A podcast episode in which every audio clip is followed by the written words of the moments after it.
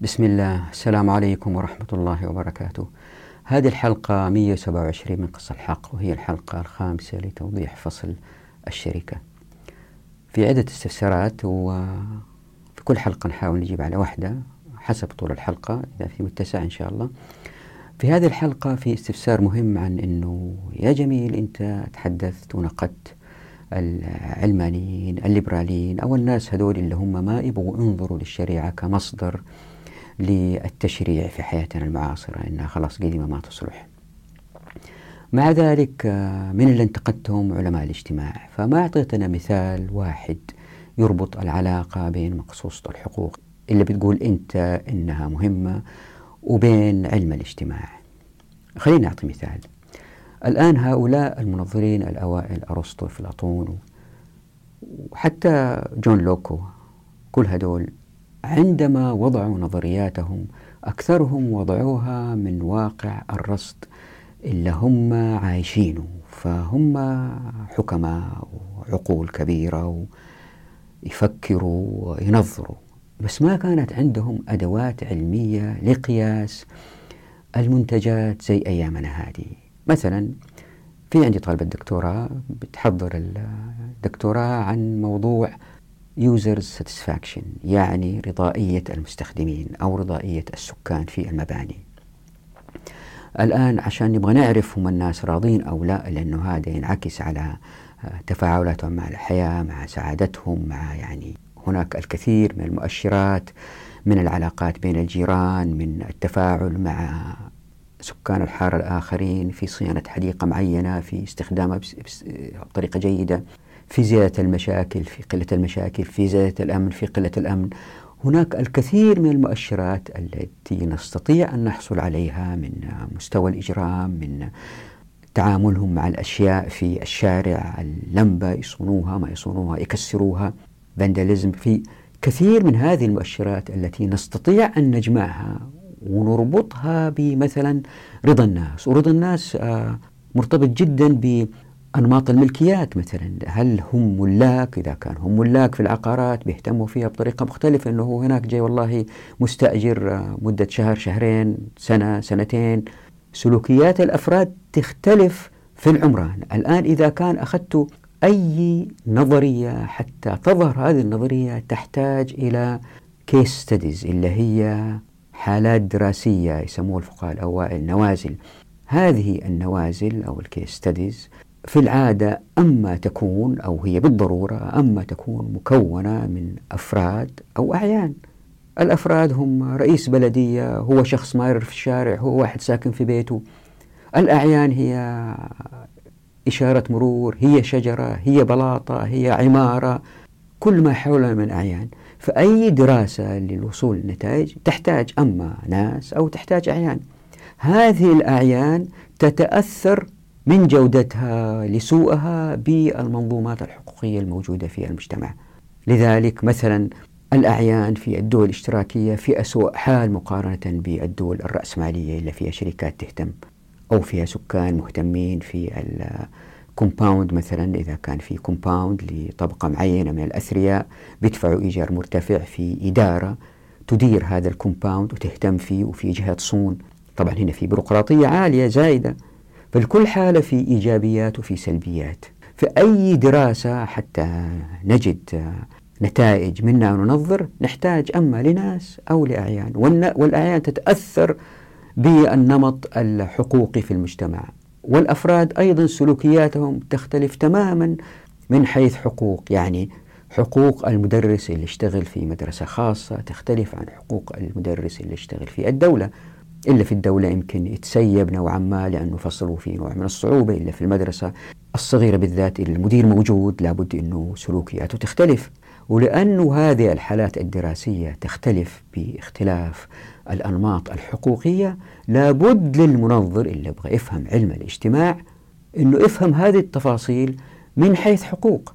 طيب إذا كان تبغوا تدرسوا الحقوق وتركزوا على الحقوق في النمط الاشتراكي والحقوق في النمط الرأسمالي أو الديمقراطي وتنسوا الإسلام ولا كأنه موجود إذا بالتأكيد دراساتكم فيها ضلال. خلينا نعطي مثال. فقط إذا تنظروا إلى المساكن الموجودة في الكرة الأرضية وكيف نتجت. في النظام الرأسمالي ما يمكن مطور يضع أراضي قطع صغيرة للفقراء وقطع كبيرة للأغنياء. ليش؟ الأغنياء ما راح يقربوا على هذه المخططات ولا يشتروها. فيجب أن يضعها بمقاسات كبيرة تلبي رغبات الأثرياء. وبالتالي هنا في حارة ذات طبقة معينة اجتماعية تختلف عن المدينة الإسلامية اللي هي الناس كانوا متقاربين فيها في الدخل. وفي أي مدينة إسلامية تجد أن العقارات متشابهة في المقاسات. يعني يمكن عقار آه، ضعف أو ضعفين آه، عقار آخر في المساحة. لكن مو هذه خمسين ألف متر مربع وهذه آه، خمسين متر. كما هو في النظام الرأسمالي مثلا. وهذا يختلف تماما عن النظام الاشتراكي للأفراد. يجوا يسكنوا في مساكن الدولة بنتهم وهم ما اتخذوا أي قرار فيها. ما لهم أي مشاركة في اتخاذ القرار. يعني ما لهم أي تفاعل مع اللي صار في الموقع. شركات كبيرة تابعة للدولة هي اللي تصمم هي اللي تبني. عشرات العماير اللي هي من عشرات الأدوار وكل دور فيه عشرات الشقق توزع على الناس وكلها زي بعض يجي الواحد ياخذ المفتاح ويسكن. وما شارك أبدا في اتخاذ القرار بينما في المدينة الإسلامية كل القرارات يتخذها السكان.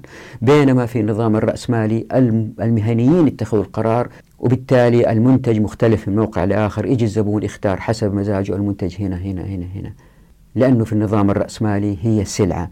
في النظام أو إن طبقنا الشريعة هي منتج من الناس. طبعا هذا ما يمنع أنه إذا كان طبقنا الشريعة يجي مطور يسوي مشروع إسكان ويبني بطريقة جيدة والناس يشتروه.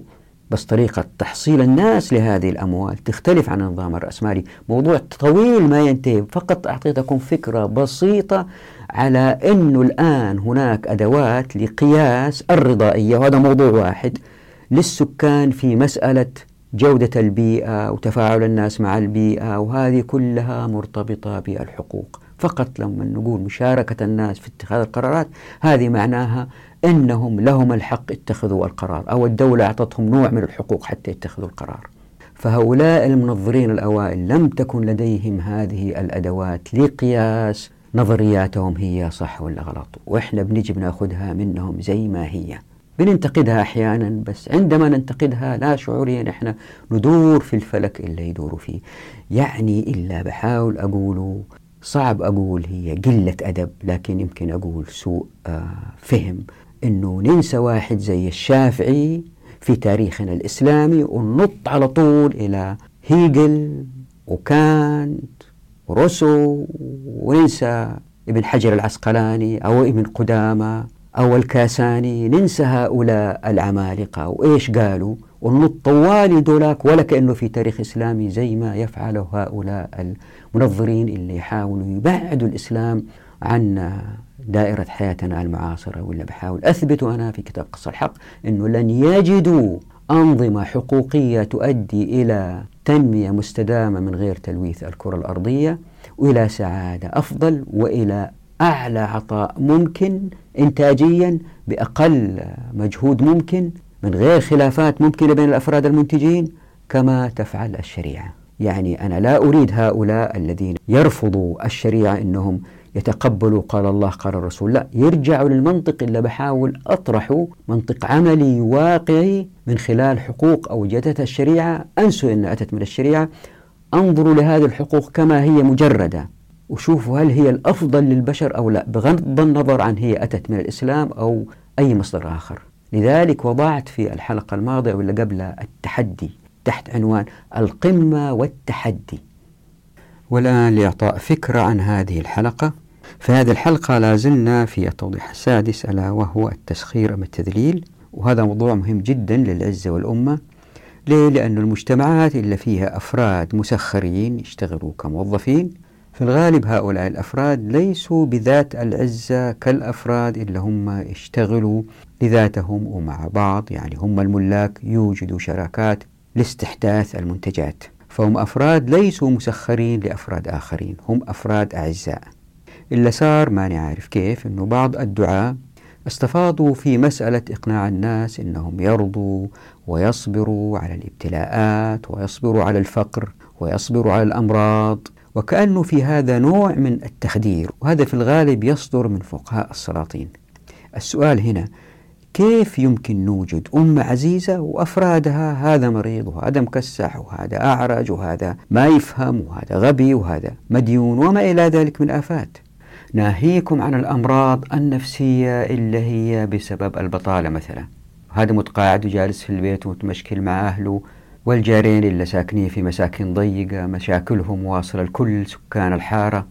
لاحظوا أن هذه الآفات تزيد مع الجهل والفقر في المجتمع المتردي وتنقص مع الازدهار ومع العزة للأمة. فقهاء السلاطين الله يهديهم بيخدروا الناس بإبعادهم عن حقوقهم وبيرموا اللوم على الناس. يعني هذه الآفات منكم يا ناس وهذا قدركم. لا إحنا ما طبقنا الشريعة. إذا طبقنا الشريعة راح يتغير المجتمع. وبالتالي تخف هذه الآفات. ومنها إيجاد مجتمع مسلم ما فيه تسخير إلا في النادر وهذا يؤدي إلى عزة الأفراد وتوكلهم على الله. طيب يمكن واحد يقول لي أنت تتكلم عن العزة أهو وبعض المسؤولين نشوفهم أعزاء. هذه ليست عزة مصدرها إنتاج ومصدرها عدل. هذا استكبار مصدر التسلط. لازم نميز بين الاثنين العزة والاستكبار. طيب الشريعة ماذا عملت؟ الشريعة وضعت حركيات تحرر الأفراد وتخلي كل فرد دائما عزيز لأنه مجموع الأمة بعد كذا من هؤلاء الأعزاء سيؤدي إلى أمة عزيزة. إذا تلاحظوا في كل الحلقات من بداية كتاب قص الحق وبالذات في الحلقات الأخيرة هذه من يوم بدأنا موضوع الشركة والتوضيحات هذه اللي تكتمل تسعة مع هذه الحلقة والعاشرة في الحلقة القادمة إن شاء الله وهي عن الغرائز الإنسانية راح تلاحظوا أن الشريعة تؤدي إلى تحرير الأفراد ومن ذلك أنه ما يكون المجتمع طبقي أبدا. ففي هذه الحلقة سنتحدث عن عدة توضيحات إذا ربطوها مع بعض تستنتجوا أن الهدف الأكبر هو تحرير الأفراد من عبودية البشر حتى تكون العبودية لله عز وجل. طبعا هذه المسألة تحتاج إلى حلقات كثيرة مترابطة. في الحلقة السابقة وهذه التركيز على التسخير والتذليل.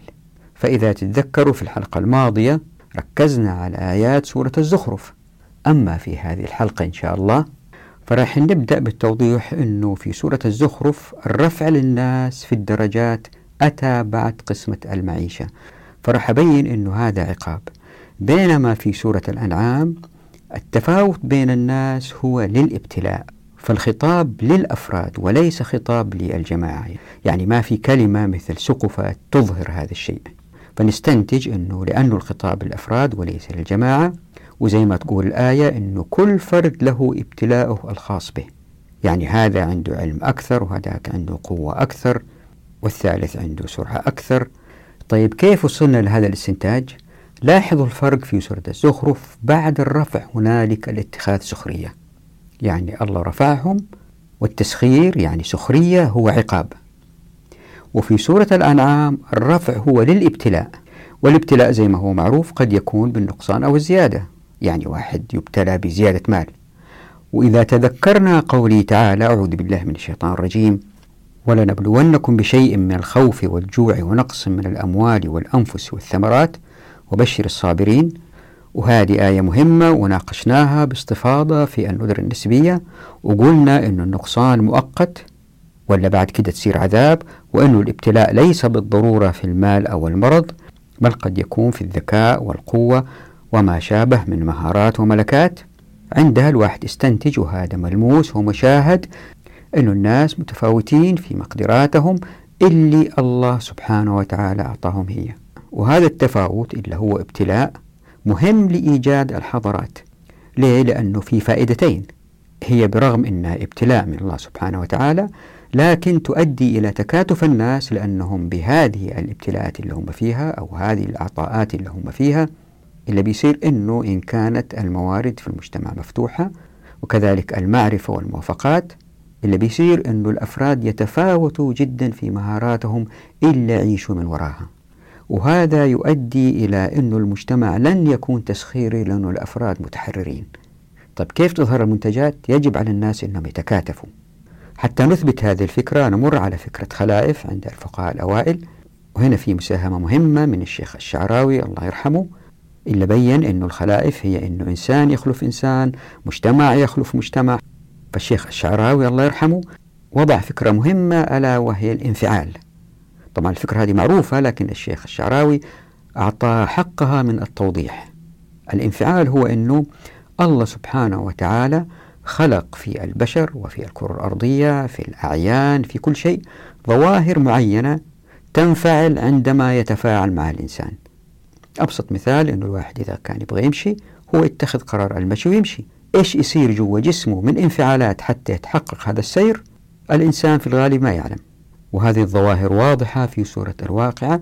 الله سبحانه وتعالى في هذه السورة أعطانا أمثلة هي النار والماء والحرث. تفاعلات معينة بين الأرض والنبات تؤدي إلى ظهور الشجرة وبالتالي الثمر. بني آدم ما سوى شيء؟ يحرث يزرع يسقي يهتم. كيف الثمرة تطلع هو ما يدري. فإذا وضعنا فكرة الانفعالات هذه اللي قال عليها الشعراوي وهي معروفة علميا ما تحتاج إثبات مع المواهب المختلفة اللي عند الأفراد التي أعطيت لهم كابتلاءات يظهر مجتمع يعتمد في إنتاجيته على عدم التسخير. فتظهر المنتجات من خلال تذليل الأفراد بعضهم لبعض اضطرارا كخلائف. زي ما وضحنا سابقا في فرق بين التذليل والتسخير. في هذه الحلقة أبين من أين أتت هذه التسمية بالرجوع للآيات في القرآن الكريم. لكل من التسخير والتذليل. يعني آخر آية في سورة الأنعام لا تعني أبدا أن المجتمع سيكون تسخيري سخرية إن هو حكم بالشريعة. بعد كده نذهب للتوضيح السابع ألا وهو التاريخي والمقدس؟ وزي ما أنتم عارفين المقدس هي النصوص المقدسة التي لا يمكن التلاعب بها وهي القرآن الكريم وحديث الرسول صلى الله عليه وسلم. أما التاريخي فهو اجتهادات الفقهاء لفهم هذه النصوص ووضع الأحكام من خلال الاجتهاد. فأضح توضيح كافي وافي للشيخ بسام جرار في هذه المسألة لا سيما أنه استخدم عقود الشركات لتوضيح الفرق بين التاريخي والمقدس. فهو جزا الله خير بيبين أنه التاريخي لأنه نتج من اجتهادات أفراد وكانت صالحة لظروف معينة ففيها مساحة أوسع أنه الواحد ما يلتزم فيها كما هو المقدس وهذا طبعا معروف. لكن إلا وضحه هنا في هذه الحلقة أنه ما هو تاريخي أو اجتهادي من فقهاء السلف سيؤدي إلى كفاءة أعلى في الإنتاج مع توزيع أكثر عدلا مقارنة بما ذهب إليه الفقهاء المتأخرين. اللي هم احترموا الوضع الحالي وأفتوا بفتاوي باستخدام المقاصد والمصالح المرسلة وما إلى ذلك وبكده تغيرت مخصوصة الحقوق. يعني اللي قالوه السلف هو أقرب لمخصوصة الحقوق ويفيدنا في واقعنا الحالي أكثر مما ذهب إليه الفقهاء المتأخرين. وزي ما رح تشوفوا إن شاء الله في الحلقات القادمة أنه برغم الاختلافات بين فقهاء السلف في مسألة الشركة في بعض المسائل في الشركة إلا أنه هذه الاختلافات تكمل بعضها بعضا. بطريقة عجيبة. بعد كده نذهب للتوضيح الثامن ألا وهو رفع مكانة العمل. فنمر على عدة أحاديث مثل قوله صلى الله عليه وسلم إن الله يحب العبد المحترف. ومثل الحديث الذي سئل فيه الرسول صلى الله عليه وسلم أي الكسب أفضل؟ فقال عمل الرجل بيده وكل بيع مبرور. وهذا التوضيح مهم ليه؟ لأنه واضح من الأحاديث أنها ستحاول إيجاد مجتمع الناس يشتغلوا بأيديهم طبعا مش شرط بيده يعني واحد يمكن يشتغل بدماغه حتى يوجد برنامج تطبيقي. يعني حاجة هو منخرط فيها وينتجها وتؤدي إلى أن المجتمع يستفيد منها. وهذه مهمة لإيجاد مجتمع يبتعد عن البيروقراطية. تتذكروا في حلقات القذف بالغيب تحدثنا عن الشركات وتحدثنا عن الهدر وحسبنا الهدر وتحدثنا عن الكفاءة والعدالة. هذه الأحاديث التي ترفع مكانة العمل تجعل الناس يبتعدوا عن الأعمال البيروقراطية. تذكروا حديث الرسول صلى الله عليه وسلم اللي نبهنا أنه إذا كان شفتوا الحاكم يأخر الصلاة فلا تشتغلوا عنده ولا جابي ولا شرطي. مثل هذه التوجيهات إذا الواحد وضعها كلها على بعض يفهم بعدين كيف يمكن يظهر مجتمع إنتاجي مسلم بكفاءة أعلى بهدر أقل وتوزيع أعدل للموارد.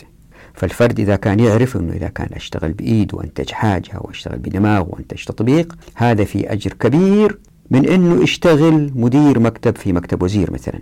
وهذه مسألة مهمة فصلناها ألا وهو العمل المباشر والغير مباشر في حلقات القذف بالغيب.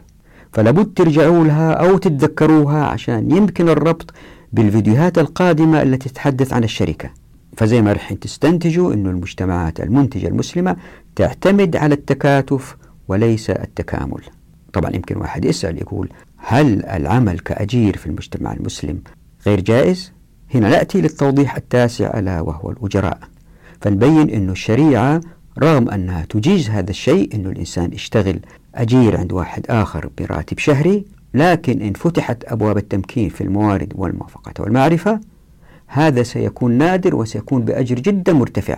سيكون العمل لإنهاء خدمة معينة. زي أجيب واحد يصلح لي السيارة مثلا فأنا أحتاجه لفترة مؤقتة. بعدين هو يمكن يحتاجني في عمل آخر وهذا هو التذليل. والآن خليني أفكركم بالآية إلا في آخر سورة الأنعام. أعوذ بالله من الشيطان الرجيم. وهو الذي جعلكم خلائف الأرض ورفع بعضكم فوق بعض درجات ليبلوكم فيما آتاكم. إن ربك سريع العقاب وإنه لغفور رحيم. والآن إلى التوضيح.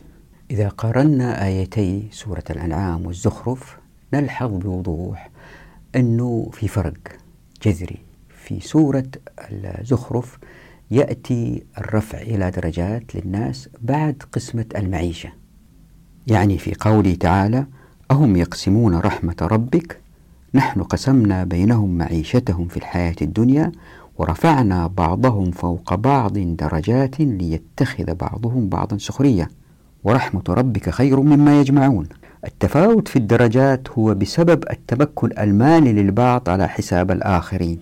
ليه؟ لأن المعيشة تعتمد في تفاوتها على المقدرة المالية في الغالب اللي هي تأتي بالمقدرة السياسية أيضا. واللي أحيانا تأتي بعد المقدرة السياسية.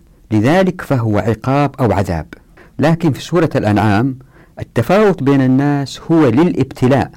يعني الله سبحانه وتعالى يبتلي هذا الفرد وهذا الفرد لينظر سبحانه وتعالى ماذا فعل هذا العبد المبتلى بالرفع الذي وضع فيه. فالخطاب في سورة الأنعام موجه للأفراد لأن كل فرد له ابتلاءه الخاص به. ليه؟ لأن الابتلاء إذا نزل على جماعة فهو عذاب. أي أن التفاوت ليس بالضرورة في المقدرة المالية لكن فيما آتاه الله من نعم للأفراد مثل التفاوت في الذكاء والعضلات والهمة والصبر والحكمة والعلم وما شابه من ضروريات ظهور الحياة. تتذكروا في فصل ابن السبيل تحدثنا عن هذه المسألة وقلنا إنه التفاوت ضرورة ليتم التكاتف والتكامل بين الناس للضرب في الأرض لتسخير خيرات الأرض منتجات تذكروا أيضا في الحلقة الماضية قلنا إنه اللي يأكد إنه في سورة الزخرف أن الخطاب للجماعة هو وصف العقارات المتعددة الطوابق ذات الأسقف المصبوبة من الفضة. فهي عدة عقارات جنب بعض وكل عقار عدة أدوار. هذه العقارات مع بعض تكون من سكانها طبقة اجتماعية. وهذه الطبقة إذا كانت الأسقف فضة فهي طبقة متنفذة. وأنه هذا الوضع لن يصل إليه المجتمع يعني الأسقف من فضة. وهذا تصوير بلاغي. إلا باستمرارية هذه الطبقة الثرية المتسلطة لعدة عقود. وضعت هنا في الشاشة نص من ابن كثير لتأويل أهل التفسير لهذه الآية في سورة الأنعام ووضعتها في لقطتين. من التأويلات البديعة لهذه الآية هو اللي قاله الشيخ الشعراوي رحمه الله. فهذه الآية الأخيرة في سورة الأنعام واللي يمكن تلخيصها في الآتي حسب ما قال الشيخ الشعراوي. شوفوا الآية تقول إيش؟ وهو الذي جعلكم خلائف الأرض ورفع بعضكم فوق بعض درجات ليبلوكم فيما آتاكم. إن ربك سريع العقاب وإنه لغفور رحيم. بيقول الشعراوي رضي الله عنه إن فكرة الخلافة قد تعني أن الإنسان خليفة للإنسان فإنسان يخلف إنسان آخر في الزمان أو في المكان. هذا يموت وذاك يجي بعده وهذا يسافر وذاك يأخذ منزله بعد ما هذا يترك هذه البلدة. وبكده الحياة الواحد يمكن ينظر لها على أنها خلفة في كل شيء. أفراد يخلفوا أفراد مجتمعات تخلف مجتمعات حضارات تخلف حضارات. وقد تعني الخلافة أيضا خلافة الإنسان لرب الإنسان في الأرض. فالخالق سبحانه وتعالى سخر لنا ما في الكون من خلال الانفعالات. فاللي يقصده هو بالانفعالات أنه البشر ما بيسووا شيء. الله سبحانه وتعالى أوجد انفعالات. هذه الانفعالات هي التي تمكن الإنسان من الاستخلاف في الأرض. فمثلا إذا الواحد قرر أنه يمشي أعضاء جسمه تنفعل لذلك. هو بس يفكر أنه يمشي ويمشي. جسمه يقوم بعمليات كثيرة حتى يتحقق المشي. هو مو عارف إيش اللي صاير جوا جسمه وعندما يضع الفلاح البذرة تنفعل له التربة. ألم يقل حق سبحانه وتعالى أفرأيتم ما تحرثون؟ أأنتم تزرعونه أم نحن الزارعون؟ هنا تحدي واضح منه سبحانه وتعالى أنتم يا بشر ما بتسوي شيء. فالواحد إذا تأمل كل المنتجات إلا بيوجدوها. البشر استنتج أن الناس بيستفيدوا من الظواهر والخصائص اللي أودعها الحق سبحانه وتعالى في الأعيان. ويمكن من أوضح الأمثلة لهذه الفكرة الناس يفكروا أن البشر أبدعوا وأتطوروا بطريقة ذكية جدا وأوجدوا الطائرة هذه التي تطير في الهواء بهذا الثقل. والجواب باختصار هو أن الله سبحانه وتعالى أودع مفهوم الضغط في الهواء الجوي إلا بفارق الضغط الجوي بين إلا تحت الجناح وفوق الجناح لأنه الجناح منحني من الأعلى. هذا الفارق في المسافة أدى إلى الفارق في الضغط وبسبب حركة الهواء السريعة بسبب اندفاع الطائر الأمام بسبب النفاث اللي هو حرق للوقود وبزيادة المسافة بين علو الجناح وسفله. في فرق في الضغط يرفع الطائر إلى الأعلى طيب مين خلق هذا الضغط؟ الله سبحانه وتعالى مين خلق هذا الوقود؟ الله سبحانه وتعالى وبالمثل التيار الكهربائي فهو لا ينتقل إلا لأن هنالك من المواد التي خلقها الخلاق العليم والتي تقوم بنقل هذا التيار مثل النحاس مثلا وليس الخشب وبمثل هذا الاستغلال لهذه الظواهر الطبيعية وبتراكم الاكتشافات والابتكارات لاستغلال هذه الظواهر تقدم البشر تقنيا وإنتاجيا وحتى يستغلوا الناس هذه الظواهر الطبيعية الله سبحانه وتعالى حتى يظهر الاستخلاف في الأرض أعطى الناس مواهب مختلفة. هذا عنده موهبة أفضل في علم الرياضيات هذا عنده موهبة أفضل في تقطيع الصخور هذه المواهب المختلفة أدت إلى انشغال الناس بأشغال مختلفة وبالتالي الناس حتى تستمر الحياة يحتاجوا بعض ففي نوع من التكامل بينهم وفي نوع من التكاتف بينهم. فالطبيب يحتاج المهندس والمهندس يحتاج النجار والنجار يجي فترة ثانية يحتاج للطبيب. وهكذا المجتمعات إذا نظرنا لها إذا ما كانت طبقات مسخرة ثابتة بعضها البعض إلا بيصير إنه زي ما رح نشوف في هذا الفصل إن شاء الله وهذا هو موضوع هذا الفصل الشركة كيف إنه المجتمع المسلم ما في هذه الطبقية الثابتة لكن الأفراد لأنه مواهبهم مختلفة وحتى يتكاتفوا بين بعض عشان تستمر الحياة اضطرارا يحتاجوا إلى بعض. فما في واحد فوق وواحد تحت لكن يمكن واحد يكون لأنه أشطر من الآخرين عنده أموال أكثر من الآخرين مرتين ثلاثة عشرة لكن ليس ملايين المرات. وهنا وضعت في الشاشة الكلام اللي قاله الطبري في تأويله واللي يشبه اللي استنتجه الشعراوي أنه الحق سبحانه وتعالى قد وهب هذه الملكات المختلفة للأفراد. يعني هذا أشطر في الرياضيات وذلك أشطر في الأعمال اللي فيها عضلات. فهذه الملكات المختلفة وهبت كابتلاء ليرى سبحانه وتعالى ما يعمل بها الناس. وذلك حتى يكون الامتحان في هذه الدنيا اختبار إقرار لهم. يعني سبحانه وتعالى علام الغيوب يعلم قبل خلق البشر من منهم شقي ومن منهم سعيد. وبالتالي فإن الابتلاء في هذه الدنيا هو امتحان إقرار للناس حتى يحق العذاب على من سخط على فقره مثلا أو أساء استخدام مواهبه ومهاراته مثل عضلاته أو ذكائه يعني هل أستخدم ذكاؤه في إيجاد برامج تساعد البشر؟ أو أستخدم ذكاؤه في إيجاد برامج تتجسس على هواتف الآخرين؟ وبهذا زي ما يقول الشعراوي الناس متساوون برغم اختلاف مواهبهم وعطاء الله لهم لأنهم في امتحان يؤدي للحياة المستمرة على الأرض. وبكذا الواحد يمكن يقول بارتياح من هذا اللي ذكرته في هذه الحلقة واللي قبلها واللي قبلها. والله أعلم والله أعلم أنه المجتمع المسلم لن يكون مجتمع طبقيا وطبقاته مسخرة لبعض. إن طبقنا مقصود الحقوق فهذا ليس قدر المجتمع المسلم لكن هو قدر المجتمع الذي لم يحكم بالشريعة أنه يكون طبقي وهذا عقاب سخرية. فالآية الأخيرة في سورة الأنعام هي ابتلاء لإيجاد التكامل لأن الله سبحانه وتعالى أعطى الناس مواهب مختلفة. لذلك نحتاج في قص الحق إلى التفريق بين المجتمع اللي فيه طبقات ثابتة مسخرة البعض ومجتمع غير طبقي.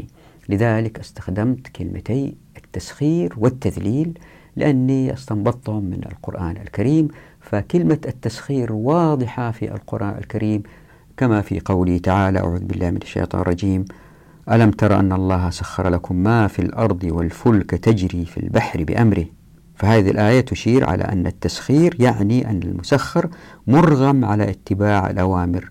وقوله تعالى أعوذ بالله من الشيطان الرجيم. لتستووا على ظهوره ثم تذكروا نعمة ربكم إذا استويتم عليه وتقولوا سبحان الذي سخر لنا هذا وما كنا له مقرنين. وقوله تعالى وهو الذي سخر البحر لتأكلوا منه لحما طريا. وعشان نختصر الوقت لا أريد الخوض في الفرق بين التسخير والتذليل في القرآن الكريم فهو موضوع قد يطول. لكن من الآيات ما يشعر بتداخل بينهما برغم القناعة العميقة أحيانا أن هناك اختلاف جذري ما نعلم بعد كما في قوله تعالى ودانية عليهم ظلالها وذللت قطوفها تذليلا لكن اللي خلاني أختار كلمة تذليل حتى تصف المجتمع المسلم اللي يطبق الشريعة هي قوله تعالى أعوذ بالله من الشيطان الرجيم. ثم كلي من كل الثمرات فاسلكي سبل ربك ذللا. يخرج من بطونها شراب مختلف ألوانه فيه شفاء للناس. إن في ذلك لآية لقوم يتفكرون. فكما تشير كلمة ذللا التي تصف حركة النحلة فإن الحركة وكأنها على صراط الله المستقيم لأنها بهدي الله سبحانه وتعالى كما تشير عبارة. سبل ربك. ثم تكون الثمرة من هذه الحركة خروج العسل والذي فيه شفاء للناس. فالثمرة أي العسل في هذه الحالة متقنة لأن النحل سلكت سبل ربها. وكذلك المجتمع سيكون إنتاجه متقن إن هو سار على مقصوصة الحقوق. ومن جهة أخرى لأن مقصوصة الحقوق توجد تفاعل بين الناس مبني على التكاتف دون تسخير فيما بينهم كلمة تذليل ستعني بإذن الله سهولة الانقياد بين الناس. كل فرد طيع مع الآخرين لأنه في هذه السلاسة مصلحة له للآخرين كما سترون إن شاء الله بإذن الله في باقي الحلقات. وهذا الاستخدام لكلمة تذليل استقيته من تأويل القرآن اللي وضعته هنا في الشاشة للطبري اللي يقول رحمه الله في ذلولة قولي تعالى هو الذي جعل لكم الأرض ذلولا أي سهلة تستقرون عليها والذلول المنقاد الذي يذل لك والمصدر الذل وهو اللين والانقياد أي لم يجعل الأرض بحيث يمتنع المشي فيها بالحزونة والغلظة. وقيل أي ثبتها بالجبال لئلا تزول بأهلها ولو كانت تتكفأ متماثلة لما كانت منقادة لنا. وقيل أشار إلى التمكن من الزرع والغرس وشق العيون والأنهار وحفر الآبار. وهنا وضعت زي ما أنتم شايفين في الشاشة توضيح لنفس الفكرة التي أتت في روح المعاني. وأرجو الالتفات أنه هذا التفريق مهم جدا بين التسخير والتذليل واللي راح أستخدمها من الآن في كل الحلقات القادمة وأحيانا يمكن في الغالب ما راح أعرفها دائما باستمرار. فيا ليت نلتفت لمثل هذه المصطلحات. والآن إلى التوضيح السابع. التوضيح السابع هو التاريخي والمقدس. المقصود فيه أنه الآن في فصل الشركة لأنه معاملات مالية وعقود ولأنه الوضع في السابق قبل ظهور الحداثة كانت المعاملات المالية بالنقود الذهبية الفضية وما كان في التطور الحالي في الاتصالات في نقل البضائع وكذا. فاللي صار إنه الوضع الحالي الآن تطلب عقود مختلفة. فاللي صار إنه كثير من الفقهاء المعاصرين ذهبوا إلى اجتهادات وكان في نوع من ما أقول الانفلات لكن ابتعاد عن الأصل في النصوص.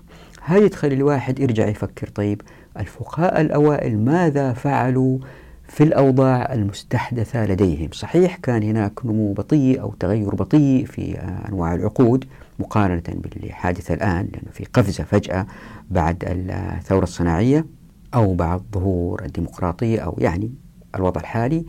فما الذي فعله الفقهاء الأوائل؟ فهنا ظهرت آه، مسألة واضحة أنه لابد ينظروا الفقهاء ألا وهي أنه في نصوص مقدسة وفي ظروف تاريخية محددة أدت إلى اجتهادات.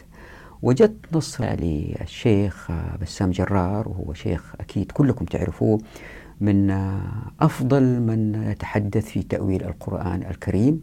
وضعت هنا النص في الشاشة في أربع لقطات. فيا ريتكم تقرؤوها. تلاحظوا أن الشيخ بسام جرار لخص باختصار ما دار من جدل حول ما هو مقدس في الفقه وبين ما هو تاريخي. وأخذ فقه الشركات كمثال. لأنه أخذ فقه الشركات كمثال وضعت كلامه في هذا الفصل. وزي ما أنتم عارفين أن الفرق بين المقدس والتاريخي زي ما هو بيقول أن المقصود بالمقدس هي النصوص التي لا جدال فيها وهي القرآن الكريم والأحاديث النبوية. أما التاريخي فهي الأقوال والآراء أو الأحداث التي قام بها من سبق وبالتدريج وبمرور الزمن أخذت نوع من القدسية. برغم أنها اجتهادات بشرية وقد لا تكون صالحة إلا لذلك الزمان. يعني هنالك خلط ماثل في الحضارات البشرية بين ما هو مقدس وما هو تاريخي. هذه المسألة أثرناها سابقا في الحديث عن الديوان لما تحدثنا عن التقليد. لكن إلا وضع الشيخ بسام جرار باستخدام فقه الشركات كمثال يلفت النظر إلى أنه ما قالوا الفقهاء رحمهم الله برغم اختلافاتهم إلا أنها تؤدي في أغلب الأحوال إلى نفس الهدف. يعني الشيخ بسام جرار بيقول أنه اللي قالوه الأوائل من اجتهادات برغم أنها تاريخية وقد لا تكون ملزمة لنا الآن إلا بحاول أوضحه أنا في هذا الفصل أنه إلا قالوه الأوائل هو أفضل مما ذهب إليه الفقهاء المعاصرين زي ما شفنا في فصل المكوس. ده الفصل المكوس ما شرحته كفيديوهات لكن هو موجود في الكتاب. رح تستنتجوا في هذا الفصل إن شاء الله بإذن الله أنه إلا ذهب إليه الفقهاء الأوائل برغم أنها مختلفة لكنها تؤدي إلى رفع الكفاءة في الإنتاج مع عدالة التوزيع فتلاحظوا مثلا من النص من قول بسام جرار والدارس لفقه الشركات في الإسلام يدرك أن بعض تلك الشروط التي تشترط لصحة الشركات هي في الحقيقة شروط اجتهادية لا تستند إلى نص من القرآن أو السنة. فاللي بحاول أثبت أنه هذا الكلام ينطبق أكثر على الفقهاء المعاصرين. فاحتمال ظهور اجتهادات قد تؤدي لأحكام لا تتفق مع مقصود الحقوق أمر وارد جدا وبالذات من الفقهاء المعاصرين.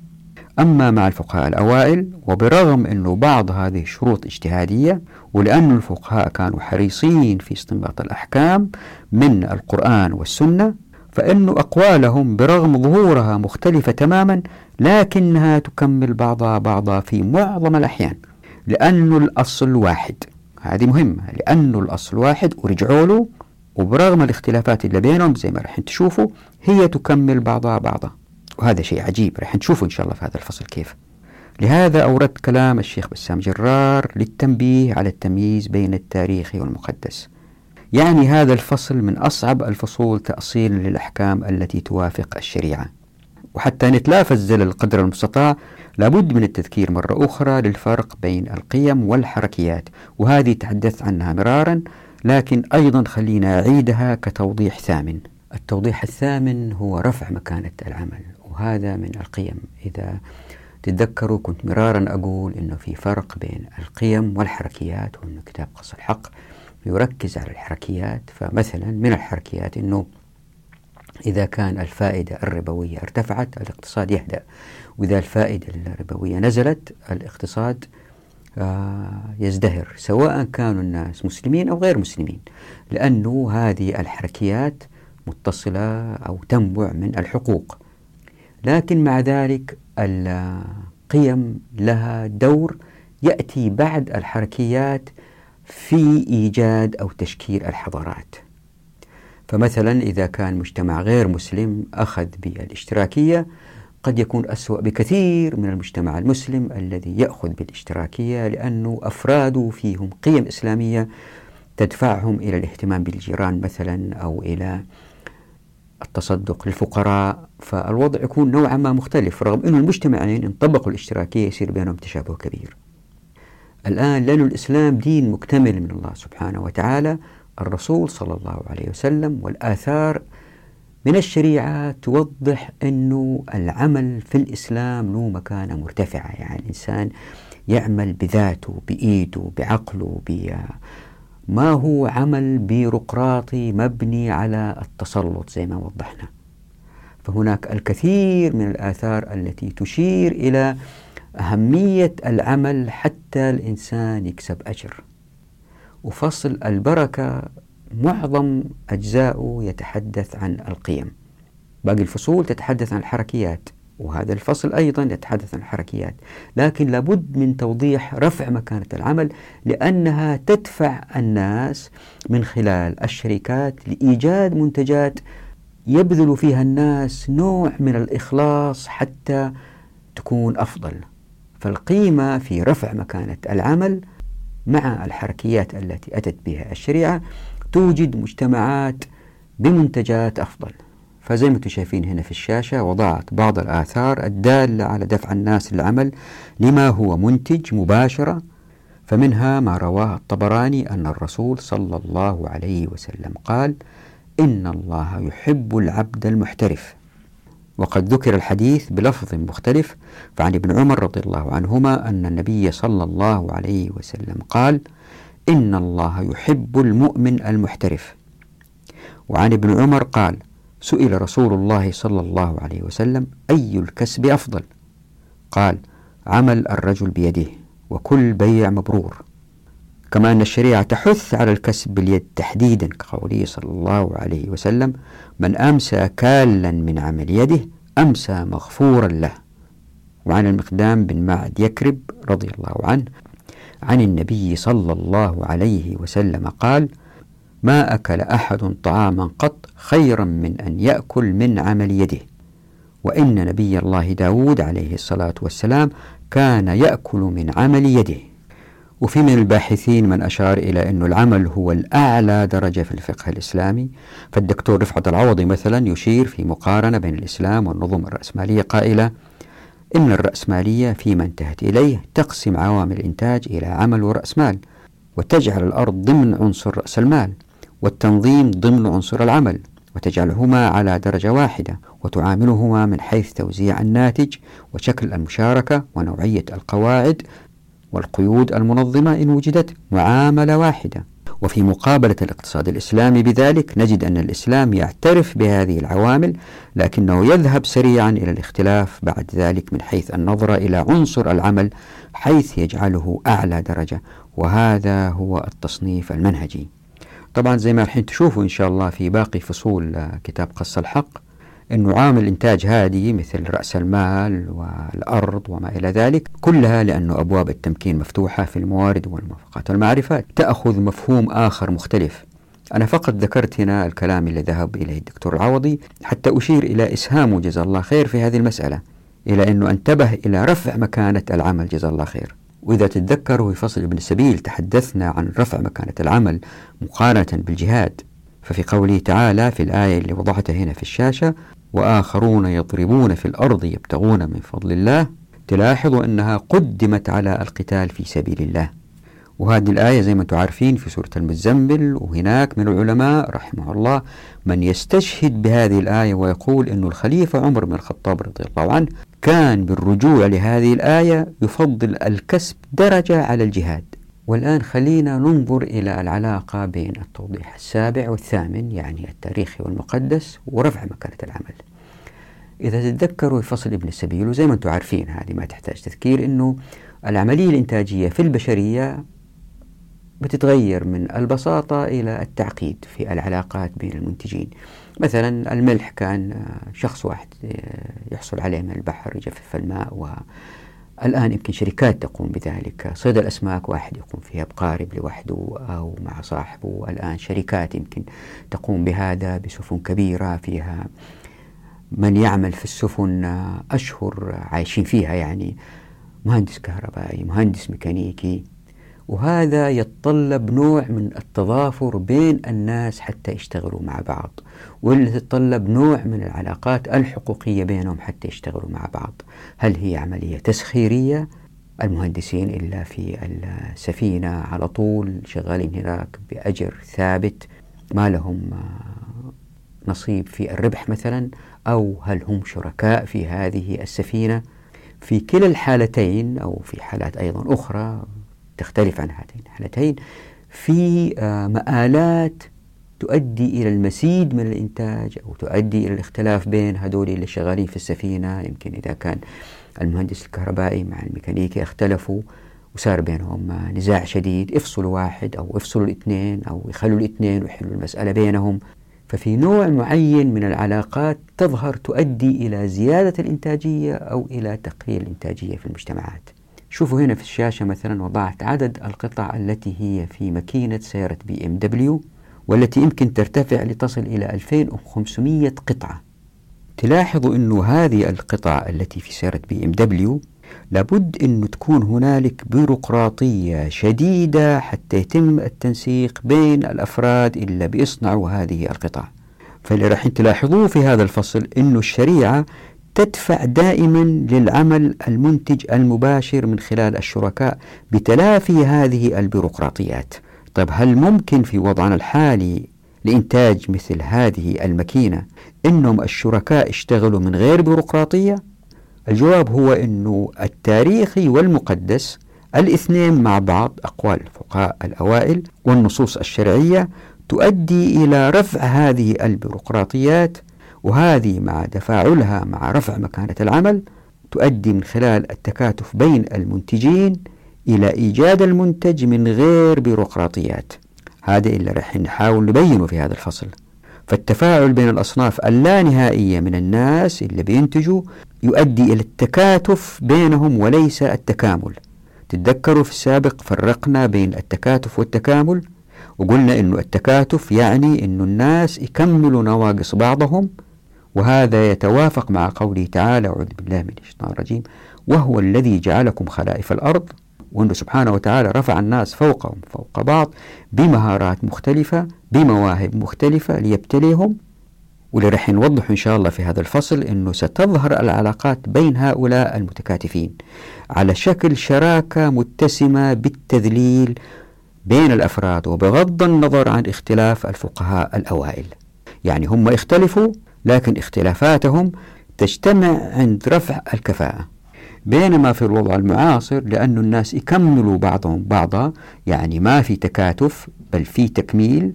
يعني يمكن يجي رجل أعمال وعنده مال يكملوا واحد آخر عنده خبرة فالاثنين يكملوا بعض لإيجاد المنتج. وهذا الذي تفعله الشركات الكبيرة.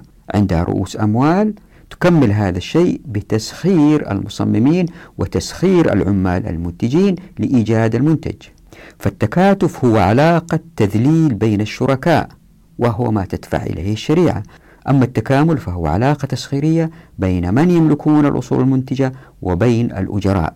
وزي ما حاولت أثبت أنه في المجتمعات المعاصرة هؤلاء الأجراء في الغالب يعملوا في أشياء ما يحبوها لأنه نتائج علاماتهم في الثانوية العامة أو الفرص الموجودة أمامهم دفعتهم بطريقة معينة لاختيار هذا التخصص. وليس كما هو الحال مع تطبيق الشريعة زي ما شفنا في فتح باب التمكين في الموارد والموافقات والمعرفة وفي حلقات ابن السبيل الناس يقدروا يروحوا في مناطق مختلفة من الكرة الأرضية في ديار المسلمين ويستقروا حيث أرادوا. فبالتالي في نوع من التطابق بين مواهب الناس واللي يحبوا يشتغلوا فيه ولا بعدين صارت هي مصدر خبرتهم في الحياة. فشتان بين حالتين المجتمع اللي يعتمد على التكامل والمجتمع الذي يعتمد على التكاتف. هذه النقطة التوضيحية ستتأكدوا منها إن شاء الله في باقي الحلقات القادمة.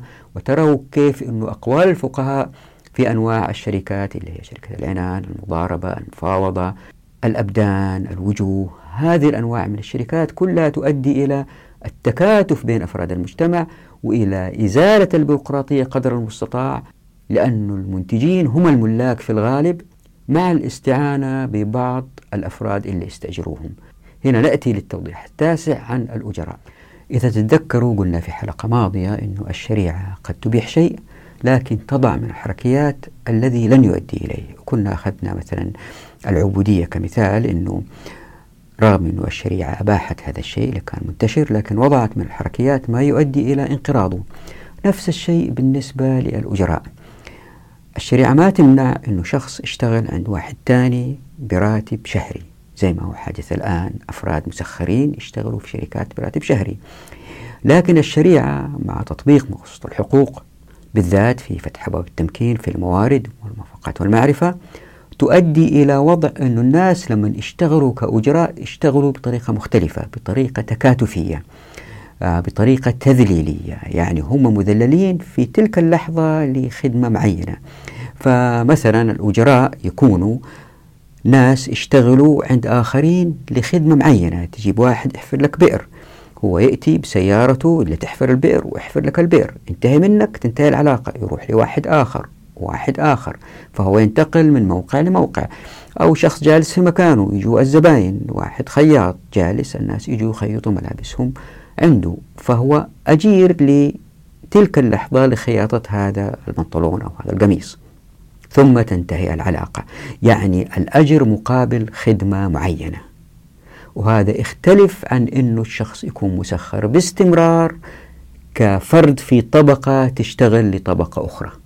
فرغم أن الشريعة تبيح العمل بأجر شهري لكن مع تطبيق الشريعة المجتمع كله يتكون من أفراد متكاتفين كشركاء لإنتاج معين واستعينوا بآخرين بمهارات مميزة مهارات محددة يمكن ما يحتاجوها على طول كأجراء.